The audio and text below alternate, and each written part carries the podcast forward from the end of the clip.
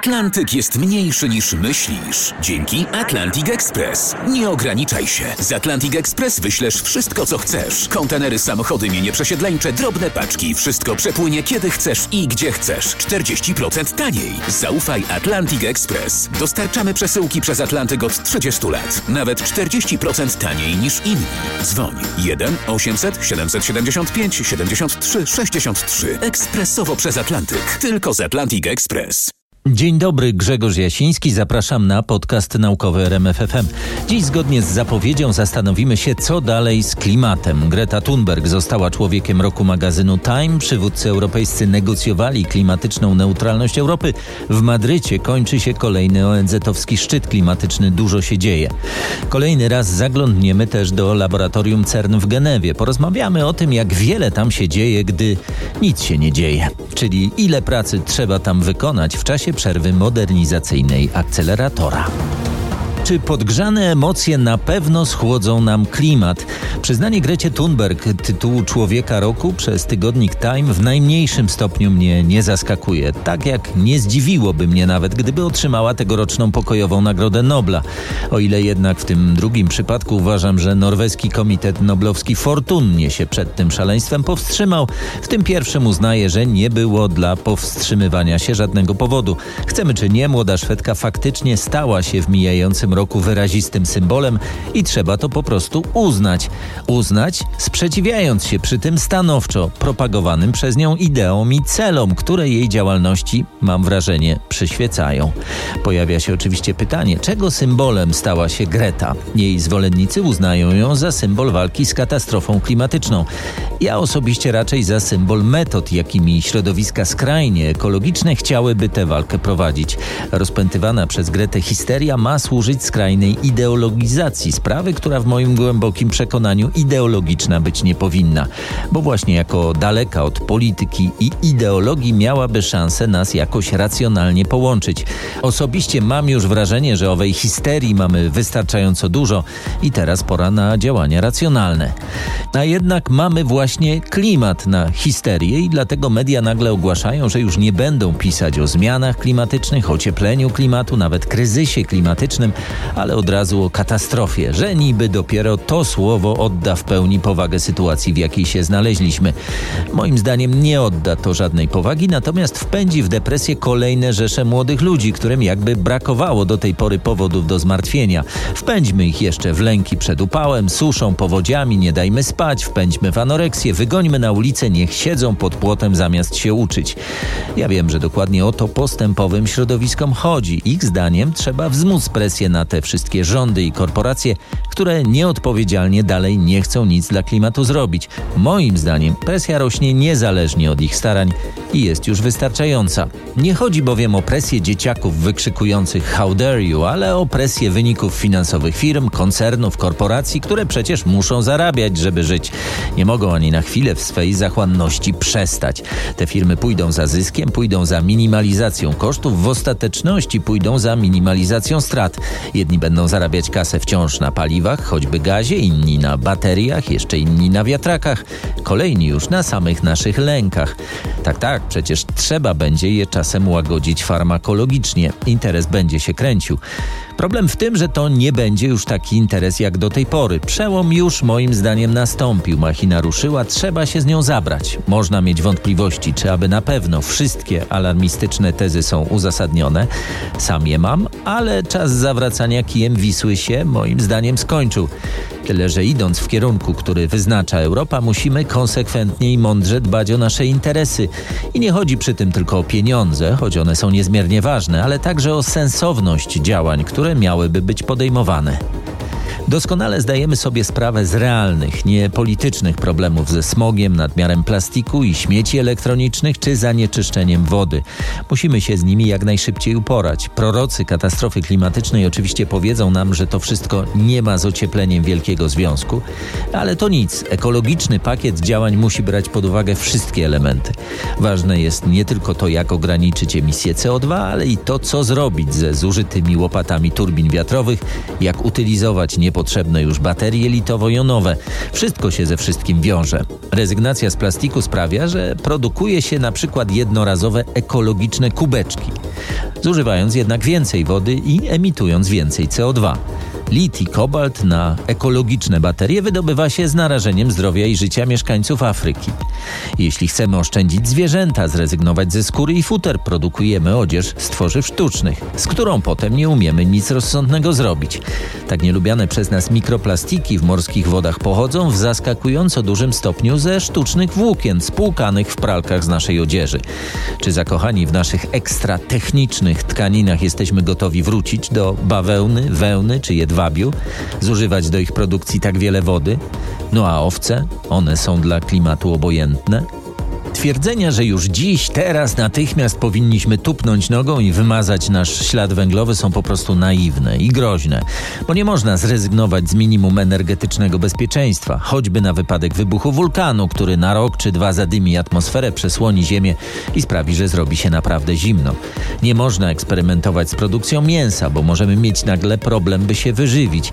Nie można wreszcie eksperymentować z ograniczaniem populacji, bo jeśli dzieci i młodych ludzi zacznie brakować, dopiero dopiero zacznie się nasz upadek.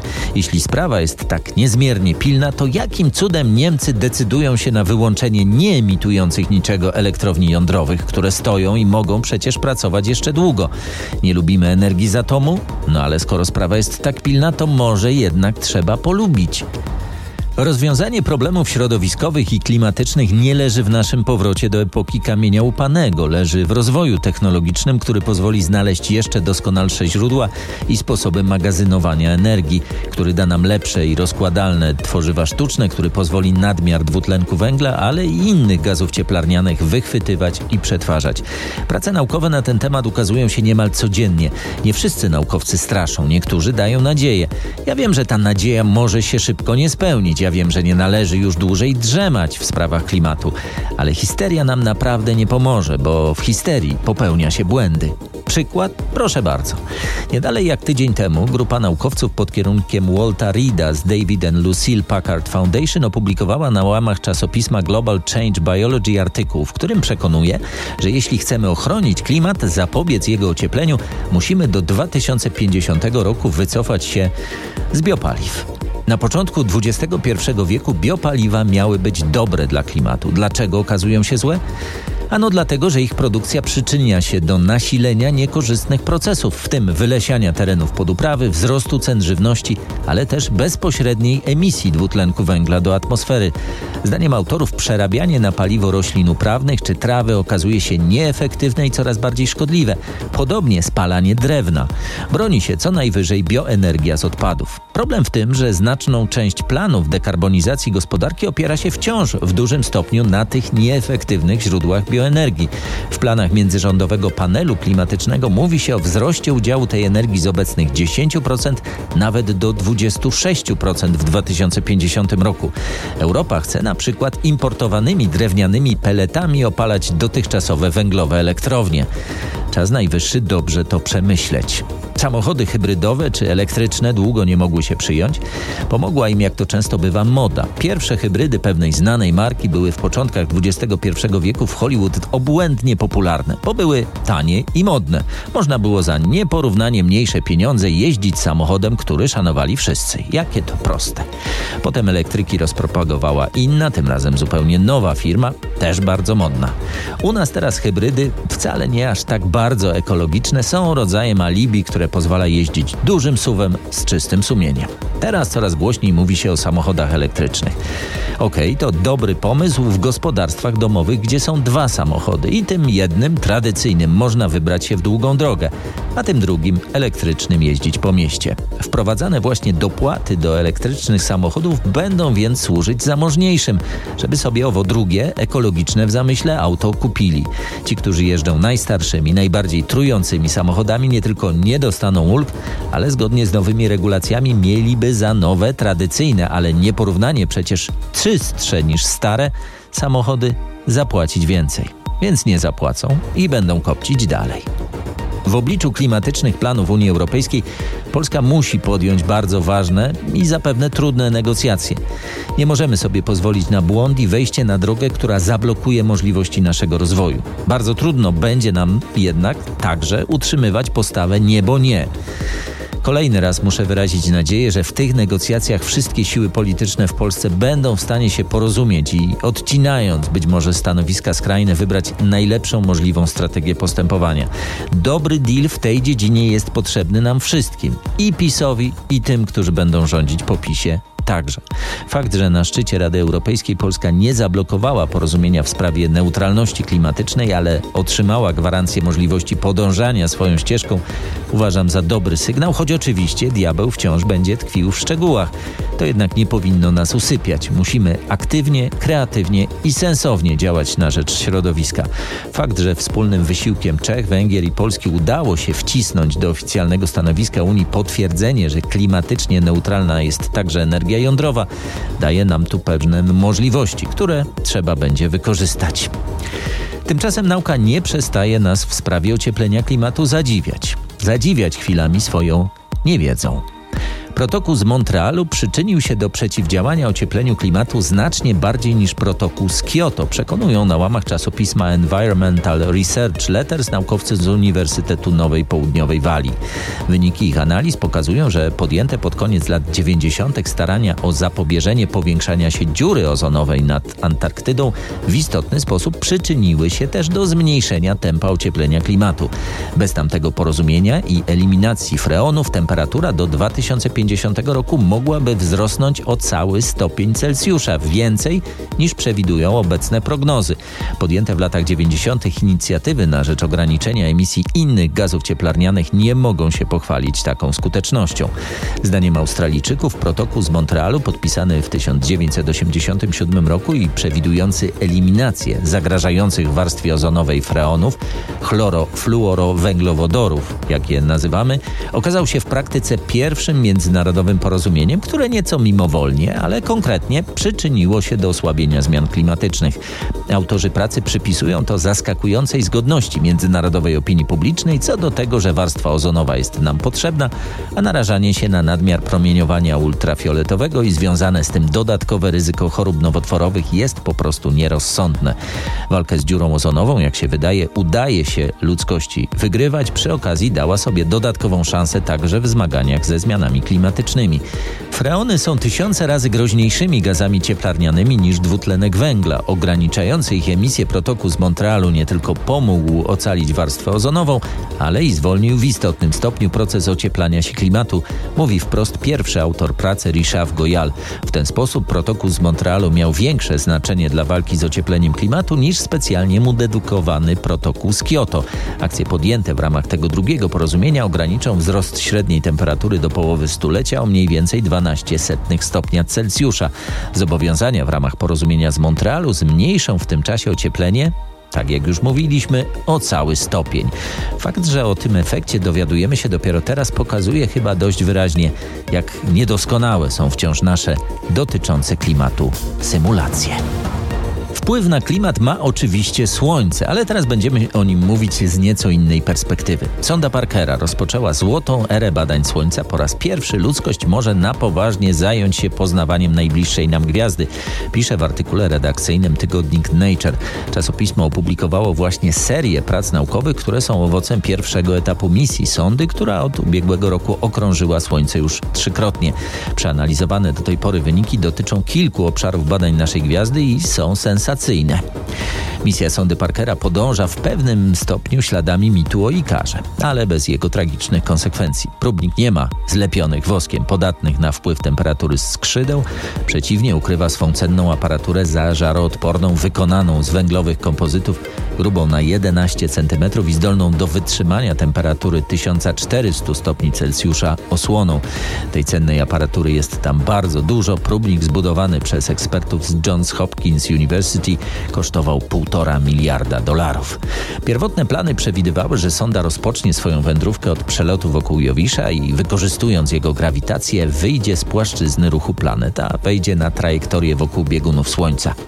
Ostatecznie jednak wybrano przelot wokół Wenus, który utrzymał sondę w płaszczyźnie ruchu planet, ale pozwoli zbliżyć się do Słońca częściej i spędzić w jego pobliżu więcej czasu. W ciągu następnych sześciu lat takich przelotów ma być jeszcze 21. Wśród czołowych zadań sondy są badania dotyczące pochodzenia energetycznych cząstek wyrzucanych przez naszą gwiazdę w formie wiatru słonecznego. Nawiązuje do tego nazwa próbnika honorująca Eugena Parkera, astrofizyka z University of Chicago, który zasugerował istnienie wiatru słonecznego już 60 lat temu.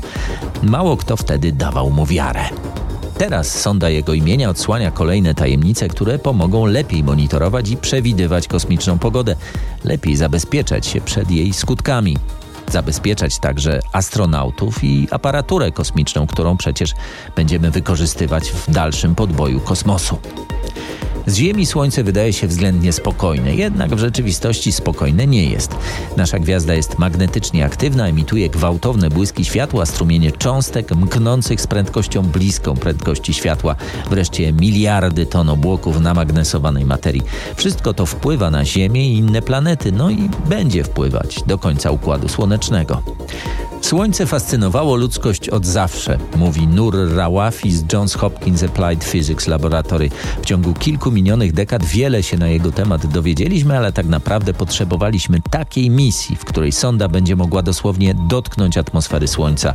To dopiero z tej perspektywy możemy dotrzeć do szczegółów zachodzących tam procesów.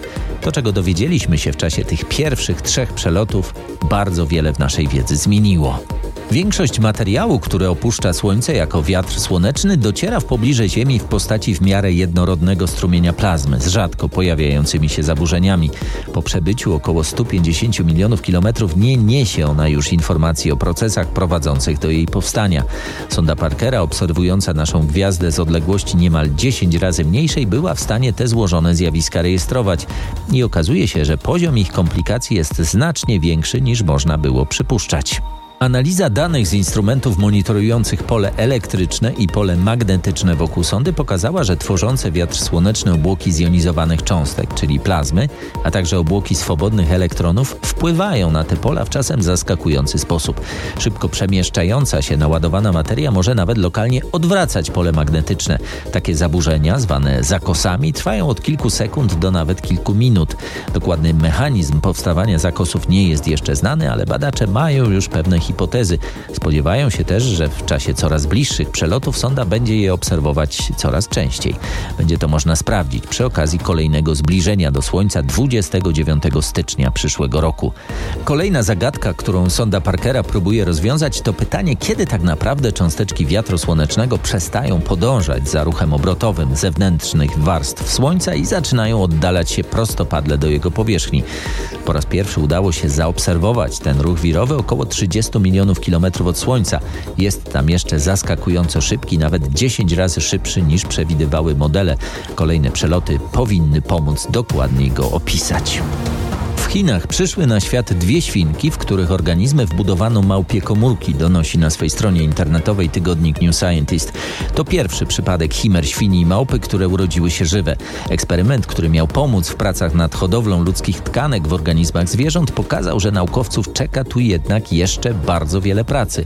Świnki nie przeżyły nawet tygodnia. Naukowcy z Pekinu opisali samą procedurę i jej wyniki na łamach czasopisma Protein and Cell. Jak informują autorzy pracy, dwa prosiaki wyglądały normalnie. Ich organy zawierały jednak niewielkie ilości komórek makaka jawajskiego. To pierwszy opisany przypadek chimer świni i małpy, które doprowadzono do narodzin, podkreśla współautorka pracy Tang Hai. Nie jest jasne, dlaczego prosiaki tak szybko zdechły. Autorzy przypuszczają, że raczej nie było to związane z chimeryzmem, a z procedurą in vitro, która w przypadku świń działa znacznie mniej skutecznie niż w przypadku ludzi. Testy miały przybliżyć naukowców do hodowli tkanek na zamówienie pokazały jednak, że czeka ich w tej sprawie daleka droga. W kolejnym etapie prac naukowcy z Pekinu próbują stworzyć zdrowe prosiaki, których tkanki będą zawierały dużo więcej komórek makaka. Jeśli to się powiedzie, w dalszym etapie będą chcieli stworzyć zwierzę, którego organ będzie się składał praktycznie tylko z małpich komórek.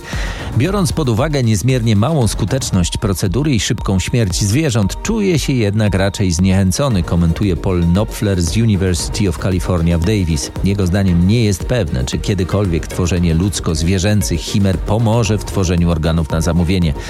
Trudno jednak dalszych eksperymentów nie prowadzić w uzupełnieniu choćby do badań nad inżynierią tkankową.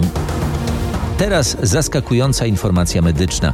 Kobiety stosujące pigułkę antykoncepcyjną mają zauważalnie mniejszą objętość istotnego rejonu mózgu, poinformowali podczas konferencji Radiological Society of North America amerykańscy naukowcy. Chodzi o podwzgórze, znajdujący się ponad przysadką mózgową organ odpowiadający za hormonalną regulację istotnych funkcji organizmu, w tym temperatury ciała, tętna, nastroju, popędu seksualnego i snu. Autorzy przyznają, że ich wyniki mają wciąż wstępny charakter. Na razie nie wiadomo, jaka jest przyczyna tego efektu i jakie jego konsekwencje. Zauważono go dopiero teraz, bo wcześniej nie było możliwości wykonania takich badań. Wpływ doustnej antykoncepcji na ten mały, ale istotny rejon mózgu nie był do tej pory wystarczająco dobrze zbadany, mówi autor pracy profesor Michael Lipton, dyrektor medyczny Laboratorium Rezonansu Magnetycznego przy Montefiore Medical Center w Nowym Jorku. Udało nam się po raz pierwszy dopracować i uwiarygodnić metodę takich badań i potwierdzić po raz pierwszy, że używanie pigułki antykoncepcyjnej ma związek ze zmniejszoną objętością podwzgórza. Pigułki hormonalne są jednymi z najbardziej popularnych środków antykoncepcyjnych, ale obecnie stosuje się je także w przypadkach różnych zaburzeń, jak nieregularne miesiączki, trądzik, endometrioza czy zespół wielotorbielowatych jajników. Profesor Lipton wraz ze współpracownikami zaprosił do udziału w eksperymencie grupę 50 zdrowych kobiet, z których 21 używało doustnej antykoncepcji. U wszystkich przeprowadzono nieinwazyjne badanie struktury mózgu z wykorzystaniem aparatury obrazowania z pomocą magnetycznego rezonansu jądrowego. Odkryliśmy dramatyczne różnice objętości tej struktury mózgu między kobietami, które stosują pigułkę antykoncepcyjną i tymi, które jej nie zażywają, mówi profesor Lipton. Te wstępne badania wskazują na silny związek jednego z drugim i powinny być motywacją do dalszych badań wpływu doustnej antykoncepcji na strukturę mózgu i ewentualnie także jego funkcje. Autorzy przyznają, że wstępne wyniki analizy wpływu zmniejszonej objętości podwzgórza na pracę mózgu nie wykazują obniżenia funkcji poznawczych. Sugerują jednak, że może mieć wpływ na kontrolę emocji i pojawienie się objawów depresji. Nie szata zdobi człowieka? No, chyba jednak jest inaczej. Ubranie w ułamku sekundy potrafi sprawić, że w oczach innych wyglądamy bardziej lub mniej kompetentnie. Jeśli nasze ubranie wskazuje na wysoki status materialny, inni natychmiast oceniają nas jako bardziej znających się na rzeczy. I odwrotnie. Piszą o tym na łamach czasopisma Nature Human Behavior naukowcy z Princeton University. Okazuje się, że takiej oceny dokonujemy w ułamku sekundy i bardzo trudno nam się przed tym powstrzymać. Autorzy pracy przeprowadzili w sumie dziewięć eksperymentów, w których badani oceniali kompetencje osób na podstawie ich zdjęć w różnego rodzaju i klasy ubraniach, t-shirtach, swetrach, koszulach. Testy potwierdziły niestety, że nasze oceny są bardzo powierzchowne. Jeśli ubrania wydawały się bogatsze, oceniani wydawali się oceniającym bardziej kompetentni. Jeśli stroje były skromniejsze, podobnie niżej oceniano zdolności i kwalifikacje osób na zdjęciach. Ponieważ kompetencje często wiąże się z pozycją społeczną, widać wyraźnie, że osoby o niższym statusie materialnym mają przed sobą dodatkowe przeszkody. Ich zdolności mogą być gorzej oceniane tylko ze względu na skromniejsze ubranie. Pokonanie tego uprzedzenia okazało okazywało się bardzo trudne. Autorzy pracy uznają jednak, że świadomość jego istnienia to w sumie dobry pierwszy krok. Mimo starań przekonywania nawet finansowych zachęt nie udawało się opinii uczestników samych eksperymentów zmienić, ale w realnych życiowych sytuacjach, kiedy od wyglądu może zależeć przyjęcie kogoś do szkoły czy zatrudnienie, może łatwiej będzie świadomie temu efektowi przeciwdziałać. No i tworzyć mechanizmy, które zapobiegają dyskryminacji. Naukowcy przyznają, że w szkole mundurki są jednym z możliwych rozwiązań. sein. Mówiono kiedyś, że socjalizm bohatersko walczy z problemami, które wcześniej sam stworzył. Myślę, że nasza współczesność dostarcza jednak podobnych przykładów. Liczba wypadków z udziałem pieszych chodzących w słuchawkach, wpatrzonych w smartfony szybko rośnie. Młodzi ludzie nie słuchają apeli, by bardziej uważać, zdjąć słuchawki i rozglądać się dookoła. Naukowcy z Nowego Jorku postanowili im więc w tym pomóc. Badacze z Data Science Institute przy Uniwersytecie Columbia opracowują inteligentny system ostrzegania ostrzegania, który w razie potrzeby przekaże bezpośrednio na słuchawki odgłosy z ulicy, które nie powinny ujść uwadze zasłuchanych pieszych. Autorzy prostego systemu, wykorzystującego dodatkowe mikrofony, przygotowali prototyp, którym chcą zainteresować komercyjnych producentów. Do widoku zasłuchanych w słuchawkach i zapatrzonych w ekrany smartfonów pieszych zdążyliśmy się już nieco przyzwyczaić. Dane ze Stanów Zjednoczonych wskazują jednak, że te osoby coraz częściej padają ofiarą wypadków. W ciągu minionych siedmiu lat liczba wypadków z udziałem tak zamkniętych w swoim świecie przechodniów wzrosła za oceanem aż trzykrotnie, a liczba śmiertelnych wypadków z udziałem pieszych sięgnęła tam w ubiegłym roku poziomu najwyższego od 1990 roku. Ponieważ apele, by bardziej uważać, nie skutkują, naukowcy proponują pomoc ze strony sztucznej inteligencji. Badacze z Uniwersytetu Columbia tworzą taki inteligentny system, który przez słuchawki ostrzega pieszych przed możliwymi zagrożeniami. W tym celu oprogramowanie ma w inteligentny sposób wybierać rejestrowane przez mikrofony dźwięki ruchu drogowego czy inne odgłosy z ulicy i przekazywać je na słuchawki. Jeśli zagrożenie jest bliskie, słuchawki mają emitować alarm. Kluczem do sukcesu jest oczywiście opracowanie takiego algorytmu, który pozwoli wybrać i przekazać na słuchawki tylko te dźwięki, które mogą mieć istotne znaczenie dla bezpieczeństwa ich użytkownika. Tylko wtedy można mieć nadzieję na to, że piesi będą takie oprogramowanie używać. Owszem, prościej byłoby po prostu zdjąć słuchawki i słyszeć, co się wokół nas dzieje. No ale jeżeli nie można, trzeba szukać innych sposobów. Bez tej informacji zapewne moglibyśmy żyć, ale jest wystarczająco ciekawa, by zwrócić na nią uwagę. Dinozaury miały wstydliwy problem. Już 100 milionów lat temu te z nich, które były pokryte piórami, musiały zmagać się z plagą wszy. Potwierdziły to po raz pierwszy wyniki badań dwóch bursztynów znalezionych w prowincji Kachin, Mianmy. Zawierają one inkluzję w postaci fragmentów piór dinozaurów z przyczepionymi do nich nimfami wszy. Piszą o tym na łamach czasopisma Nature Communications naukowcy z Pekinu. Naukowcy odkryli przypominające współczesne wszy owady w piórach dinozaurów po raz pierwszy. Jak choć w powszechnej świadomości dominują dinozaury pokryte łuskami, coraz lepiej wiemy już, że wiele ich gatunków nosiło pióra. Wygląda na to, że musiały zmagać się z wszawicą podobnie jak współczesne nam ptaki.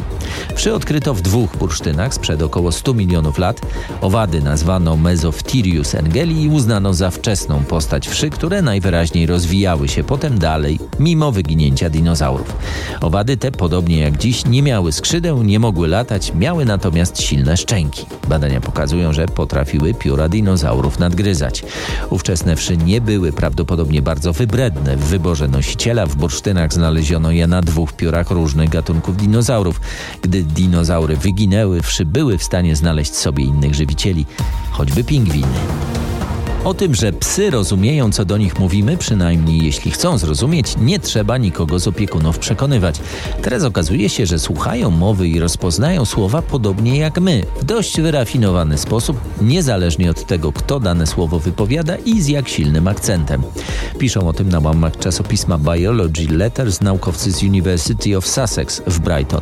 Sposób wypowiadania słów zależy istotnie od wieku, płci, nawet statusu społecznego danej osoby. Mimo to osoby słuchające tych wypowiedzi zwykle nie mają problemu, by dane słowa rozpoznać i zrozumieć. Taką wyrafinowaną umiejętność uznawano do tej pory za wyłączną zdolność człowieka. Brytyjscy naukowcy sugerują jednak, że pies słucha nas podobnie i wcale nie trzeba go tego uczyć. Badacze pod kierunkiem Holyrood Guthridge przeprowadzili eksperymenty w sposób podobny do testów, które kiedyś przekonały inną grupę badaczy, że psy rozpoznają się po szczekaniu. Tym razem filmowano 42 psy różnych ras, którym którym z głośników puszczano krótkie, jednosylabowe, podobnie brzmiące słowa, wypowiadane przez różne osoby z różnym akcentem. Były to słowa nie będące komendami typu head, hit, hood, nie wypowiadane przez opiekuna zwierzęcia, lecz obce osoby różnej płci. Psy reagowały ruchem uszu i pochyleniem się w stronę głośnika, czytelnymi oznakami uwagi, jeśli słyszały dane słowo z inaczej brzmiącą samogłoską po raz pierwszy. W kolejnych przypadkach, kiedy to samo słowo było wypowiadane przez inne osoby, pies praktycznie nie zwracał na nie uwagi, do czasu, kiedy słyszał nowe słowo. To oznacza, że psy dostrzegają różnice między słowami, nie zwracają natomiast uwagi, gdy to samo słowo wypowiadane jest w różny sposób. Z tego eksperymentu nie można wnosić oczywiście, że pies rozumie, co dane słowo znaczy, rozpoznaje jednak, że już je słyszał. I dotyczy to, powtarzam, także słów, które nie są komendami, nie są kierowane bezpośrednio do nich. A teraz tradycyjnie już zapraszam na ciąg dalszy wycieczki po laboratorium CERN w Genewie i wielkim zderzaczu hadronów. Opowiemy o tym, co tam się dzieje, gdy z pozoru nic się nie dzieje. Do jednego z detektorów, gdzie znaleziono poszukiwany przez pół wieku bozon Higgsa, detektora Atlas, nie można było ostatnio zjechać, bo remontowana jest winda. Sam detektor przejdzie gruntowną modernizację podczas kolejnej przerwy eksploatacyjnej zderzacza za kilka lat.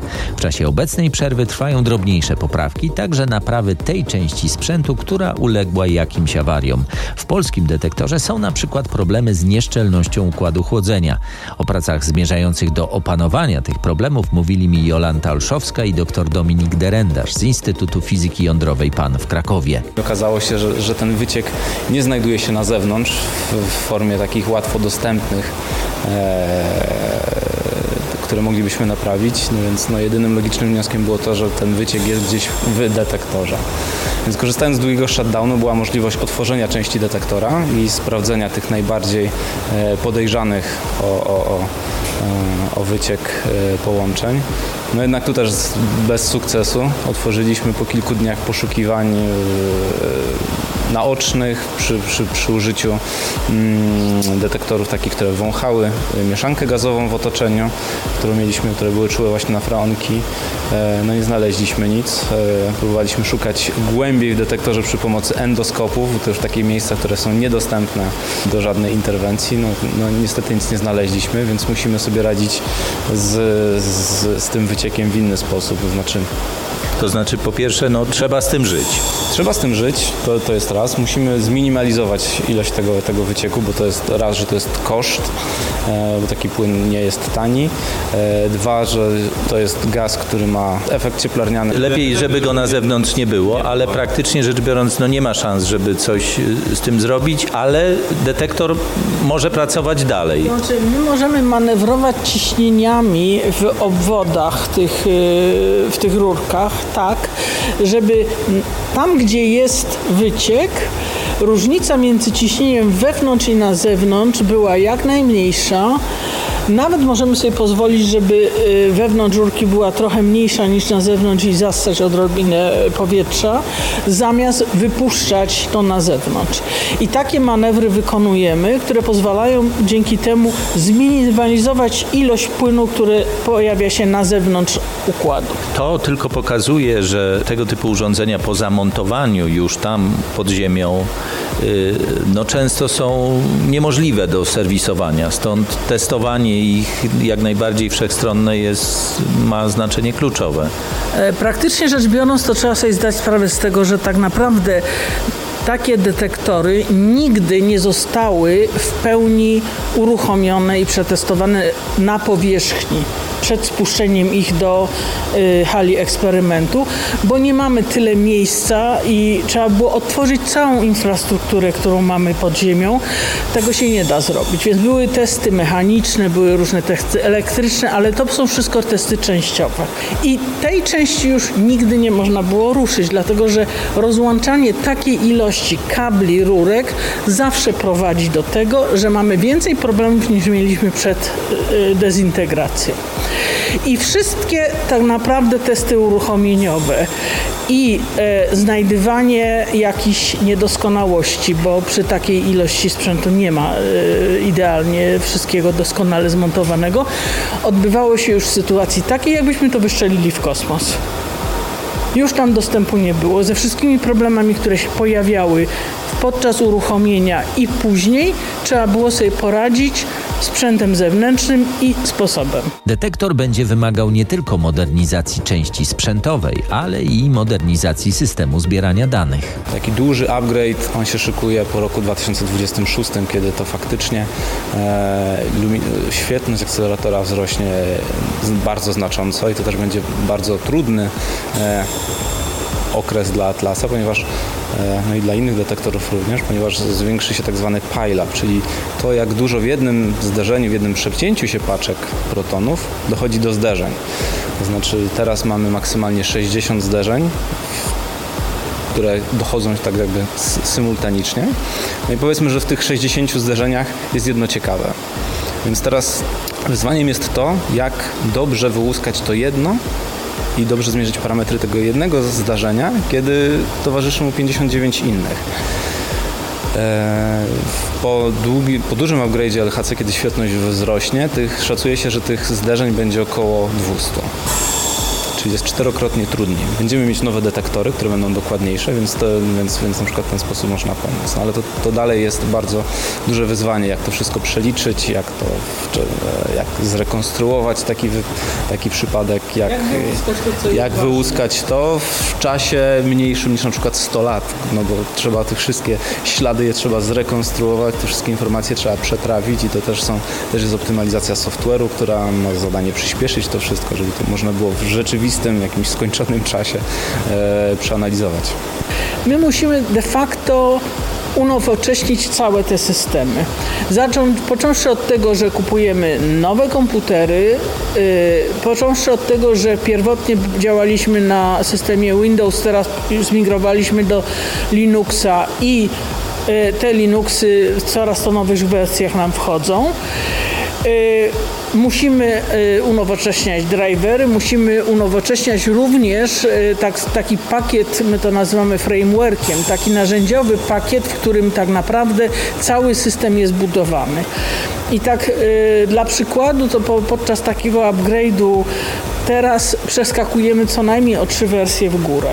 Przy czym my musimy to tak zrobić, żeby zachować strukturę nazw wszystkich parametrów, które w samym naszym takim y, poddetektorze jest około 100 tysięcy tak zwanych y, y, data points, czyli po prostu y, wartości, które, które, które w jakiś sposób mierzymy i chcemy je przesłać do bazy danych, żeby móc je potem analizować. Czasem cofamy się analizą o kilka czy kilkanaście y, lat wstecz, żeby zrozumieć, jak się nasz detektor zachowuje, jak się postarzał, co się zmieniło w otoczeniu.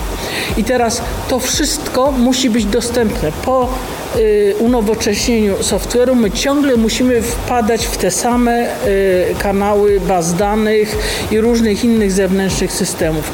To wymaga od nas bardzo drobiazgowego testowania i bardzo drobiazgowego i y, formalistycznego programowania tak żeby to po prostu wszystko razem można było z powrotem powiązać i zintegrować w całym y, detektorze, w całym eksperymencie Atlas taki system rozproszonego kontrolowania i monitorowania detektora, bo my jesteśmy tylko i, i wyłącznie jedną częścią, ma około 200 komputerów, które pracują w rozproszonym systemie jako jeden system, wymieniając non-stop informacje między, między, między sobą. To się wpisuje w generalną tendencję tutaj w CERNie, że dane, które zostały wybrane i zapisane, nigdy nie znikną. One zawsze pozostaną zapisane i zawsze będą dostępne. Tak, to jest, to jest, to jest de facto, my to nazywamy efekt naszej produkcji. My produkujemy te dane i to jest efekt naszej pracy.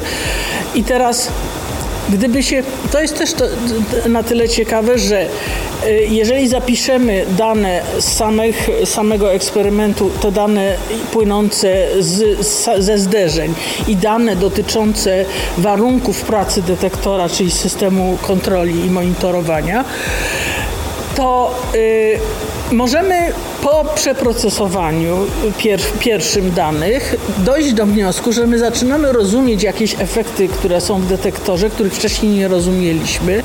Możemy wprowadzić do programów analizy tą informację, którą zrozumieliśmy i przeprocesować te dane jeszcze raz, uzyskując lepsze efekty obróbki tych danych i po prostu widząc więcej niż widzieliśmy za pierwszym razem.